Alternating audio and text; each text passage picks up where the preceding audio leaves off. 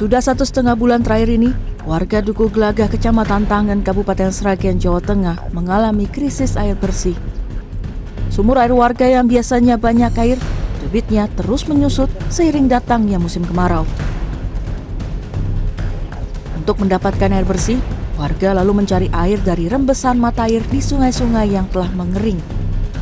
Air-air ini pun digunakan untuk mandi, mencuci pakaian, hingga memasak. Warga terpaksa mencari air dengan cara seperti ini lantaran air bantuan dari pemerintah setempat kerap terlambat bahkan tidak datang.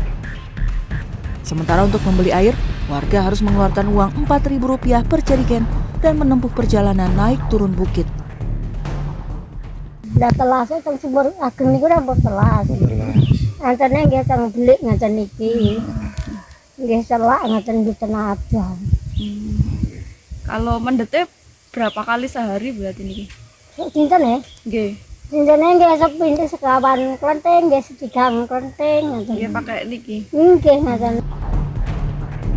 Warga berharap pemerintah setempat bisa segera memberikan solusi bagi warganya yang mengalami kekeringan saat musim kemarau melanda.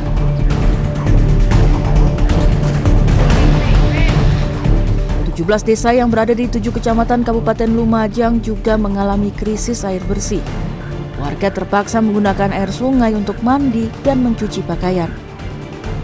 Hal ini sudah terjadi sejak satu setengah bulan lantaran sumur warga yang memiliki kedalaman 15 meter mengering. Untuk kebutuhan memasak dan air minum, warga mengandalkan bantuan air bersih dari BPBD Kabupaten Lumajang.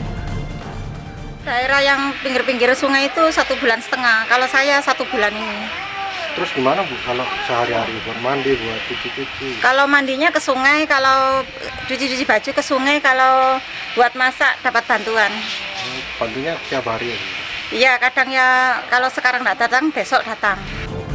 Untuk memenuhi kebutuhan warga, BPBD Kabupaten Lumajang menerjunkan 4 unit mobil tangki berkapasitas masing-masing 5.000 liter untuk menyuplai kebutuhan air bersih warga.